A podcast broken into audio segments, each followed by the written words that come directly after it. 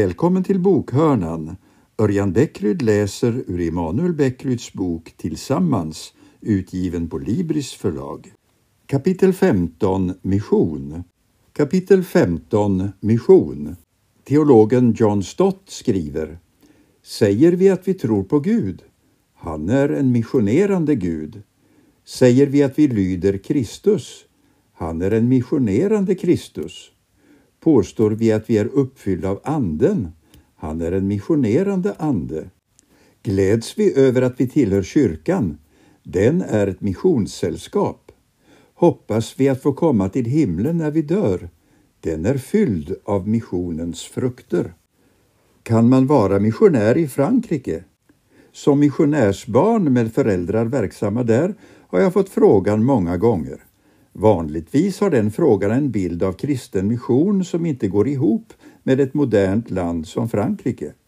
Enligt denna bild har en missionär tropikhjälm på huvudet och röjer sin väg genom djungeln med hjälp av en machete. En missionär är en vit man bland människor med annan hudfärg. Målet är att bringa civilisationen till seger i en mörk hednakultur. Utifrån denna uppfattning anser många att själva begreppet mission är gammalmodigt och kan utgå. Mission tillhör en förgången kolonialistisk tid och förknippas med kränkningar av andra kulturer och intolerans. Mission anses alltså allmänt som passé.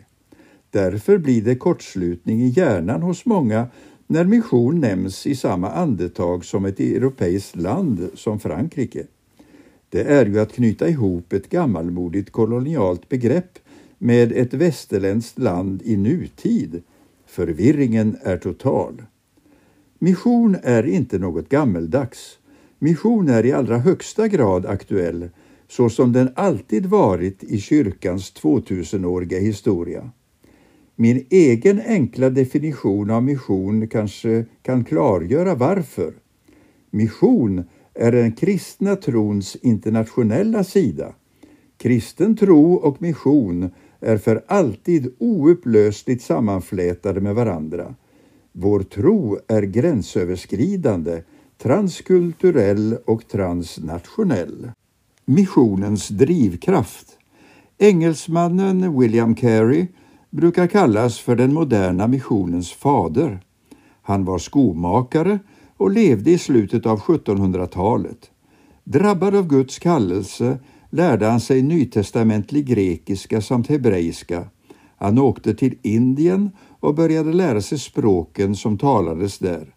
Under sitt liv översätter han sedan hela Bibeln till sex språk, Nya testamentet till 23 och delar av Bibeln till ytterligare ett trettiotal språk. Man kan undra vad som driver en människa till en sådan bedrift och ändå är Carey endast en i mängden av missionshjältar genom kyrkohistorien. Drivna av en obändig längtan att göra budskapet om Jesus känt har dessa kristna rest och reser än idag till andra länder och folk. Vad är det då som motiverar dessa människor? Vad är det som driver min församling till att samla in och ge vidare en miljon kronor per år för missionsarbete i andra länder? Man skulle kunna peka på en lydnadsaspekt. Jesus har befallt oss att missionera och att göra alla folk till lärjungar. Eftersom vi vill vara hans lärjungar lyder vi hans befallning. Man skulle också kunna peka på människokärleken som drivkraft. Jesus starka betoning av kärleksbudet driver oss ut till våra medmänniskor var de än finns. När vi ser nöden i världen blir vi manade att handla. Vi vill göra det bästa för vår nästa, därför missionerar vi. Utöver missionsbefallningen och kärleken till nästan skulle man även kunna peka på pingstdagens betydelse. Den som är fylld av Guds ande har en inre drivkraft. Men ni ska få kraft när den heliga Ande kommer över er och ni ska vittna om mig i Jerusalem och i hela Judeen och Samarien och ända till jordens yttersta gräns, sa Jesus till apostlarna. Den helige Ande är förutsättningen för kristen mission, så att när vi talar, talar Jesus genom oss, så att när vi handlar, handlar Jesus genom oss. Alla dessa drivkrafter är viktiga och avgörande i all mission. Men det finns en annan dimension som jag också vill lyfta fram. Vi finner den framförallt i Saltaren, kanske inte den vanligaste bibelboken för en missionstext. Saltaren var judarnas bönbok, deras gudstjänstbok och den har även blivit kyrkans främsta bönbok. Många kristna ber dagligen med hjälp av Saltaren, en så kallad tidegärd. Saltaren lär oss att vara ärliga inför Gud, att upphöja honom och klaga inför honom, att skratta och gråta. När vi ber med Saltarens salmer får vi ord för hela vårt känsloregister och allt vad livet rymmer. Men vad har då Saltarens böner med mission att göra? Låt oss börja med Saltaren 96, vers 1-6. Sjung till Herrens ära, sjung en ny sång, sjung till Herrens ära hela världen. Sjung till Herrens ära, prisa hans namn, ropa ut hans seger dag efter dag, förkunna hans ära bland folken, bland alla människor hans under. Ty stor är Herren, högt är han prisad, värd att frukta mer än alla gudar. Folkens alla gudar är avgudar, men Herren har gjort himlen, han omges av prakt och glans, av makt och härlighet i sitt tempel. Detta är en hymn till den levande Gudens ära. Det är tillbedjan av Gud. Salmisten upphöjer Gud för storhet, makt och prakt. Andra gudar är inget jämfört med honom. Men lovprisningen glider obemärkt över i en missionsappell. Vi uppmanas sjunga till Herrens ära och ropa ut hans seger. Guds ära ska förkunnas bland folken, bland alla människor. Tillbedjan och mission flyter alltså samman. När vi får en glimt av Guds storhet kan vi inte låta bli att missionera. Glädjen spiller över till andra. Så läser vi fortsättningen av Saltaren 96. Ära Herren alla folkslag, ära Herrens majestät, ära Herrens höga namn. Kom till hans förgårdar, kom med offer, fall ned inför Herren i helig skrud, darra inför honom hela jorden, förkunna bland folken, Herren är konung. Här möter vi samma mönster. Salmisten begeistras och bävar inför Guds storhet och helighet. Gensvaret får två konkreta uttryck. Salmisten faller först ner på knä. Man kommer osökt att tänka på profeten Jesaja ord Ve mig, jag förgås. Sedan kommer en missionspredikan. Förkunna bland folken. Man kan inte låta bli att berätta för hela världen om vad Gud uppenbarat och då blir det ännu fler som tillber den ende och sanne guden. Om denna växelverkan mellan tillbedjan och mission var central redan i det gamla förbundet så är den ännu mer framträdande i det nya förbundet i och genom Jesus Kristus. De som ser tillbaka på korset och den tomma graven har verkligen skäl att jubla över Guds väldiga gärningar och därmed ännu större anledning att ropa ut hans seger dag efter dag. Eller med orden i en annan saltarsalm. Tacka Herren, åkalla honom, berätta för folken om hans verk, sjung och spela till hans ära, tala om alla hans under. Samma mönster igen. Tacksägelsen övergår i missionsteologi. Den som drabbas av Guds storhet och härlighet kan inte hålla tyst om det. Kyrkan är en gudstjänstfirande gemenskap som präglas av lovsång och tillbedjan. Det är tillsammans med alla de heliga som vi förmår fatta bredden och längden och höjden och djupet av Guds kärlek i Kristus. Tillsammans får vi en glimt av Guds härlighet och då kan vi inte tiga. Vi går ut och sprider budskapet om Guds kärlek över hela jorden. En församling som ser Guds storhet kan inte låta bli att engagera sig i mission. Ett missionsmedvetande, en hög missionstemperatur, är något som varje församling gång på gång måste återerövra. Det är så lätt att fastna i inåtvändhet och navelskådande. Vi behöver lyfta blicken och se ut över världen med Guds ögon. Vad kännetecknar en missionerande församling? Här vill jag ta upp tre kännetecken. En missionerande församling samarbetar med andra.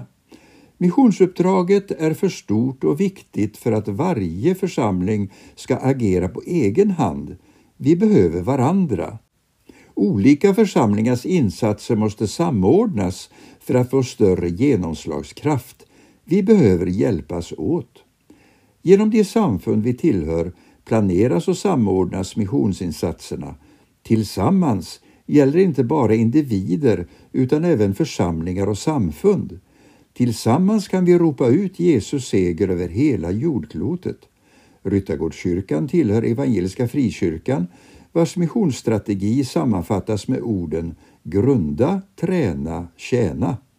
Grunda församlingar i världen över, träna ledare, tjäna medmänniskorna i praktisk handling.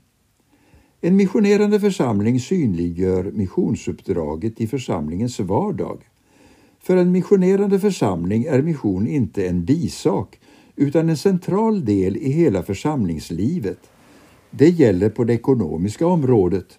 En missionerande församling samlar generöst in pengar så att mission kan bedrivas. Det gäller på det praktiska området. En missionerande församling tar ansvar för en eller flera missionärer. Man lär känna dem, uppmuntrar dem, stöttar dem med brev, paket och glada tillrop. När de är hemma får de tid och rum att dela erfarenheter i församlingen. I min församling finns ett missionsråd som arbetar med att hålla missionstemperaturen uppe. De senaste åren har vi upplevt en inspirerande föryngring av denna arbetsgrupp. Mission är något i allra högsta grad aktuellt. Därför måste mission ständigt lyftas fram i församlingens vardag och engagera nya generationer. En missionerande församling sänder ut sina medlemmar på missionsuppdrag. Ett tecken på att man lyckas synliggöra missionsuppdraget kan vara att någon eller några av församlingens egna medlemmar blir intresserade av och sänds ut i olika missionsarbeten. För att utmana och inspirera till detta har Ryttargårdskyrkan ett särskilt missionsstipendium som intresserade medlemmar kan söka. Stipendiet är ett mindre ekonomiskt bidrag till den som under kortare tid vill besöka ett missionsarbete och i någon mån pröva på mission. Sammanfattning Mission är den kristna trons internationella sida och blir aldrig inaktuell. Det finns flera teologiska motiv för mission, till exempel lydnad för Jesu missionsbefallning, kärlek till medmänniskan samt den heliga Andes verk.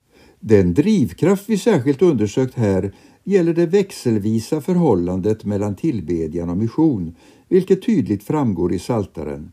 Tillbedjan leder till mission och mission leder till tillbedjan.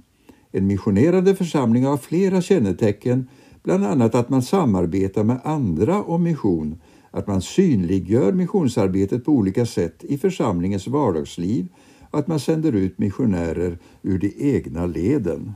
Johan, född 1976, säger ett av mina starkaste minnen av mission är när en grupp från Mongoliet kom till vår församling och deltog i en gudstjänst med sång och vittnesbörd. För inte så länge sedan var Mongoliet ett stängt land där det nästan inte fanns några kristna alls. Men nu finns det en församling som kan styrka och uppmuntra oss i Sverige genom att sända missionärer tillbaka. Jag tror det är viktigt att vi inte är alltför resultatfixerade i vårt missionsarbete utan att vi tänker långsiktigt och är trogna även när vi inte ser frukten av arbetet på en gång. Det handlar helt enkelt om att vara trofast oavsett om man själv är missionär eller om man är en sändare. Vi får lita på att det är Gud som står för resultaten.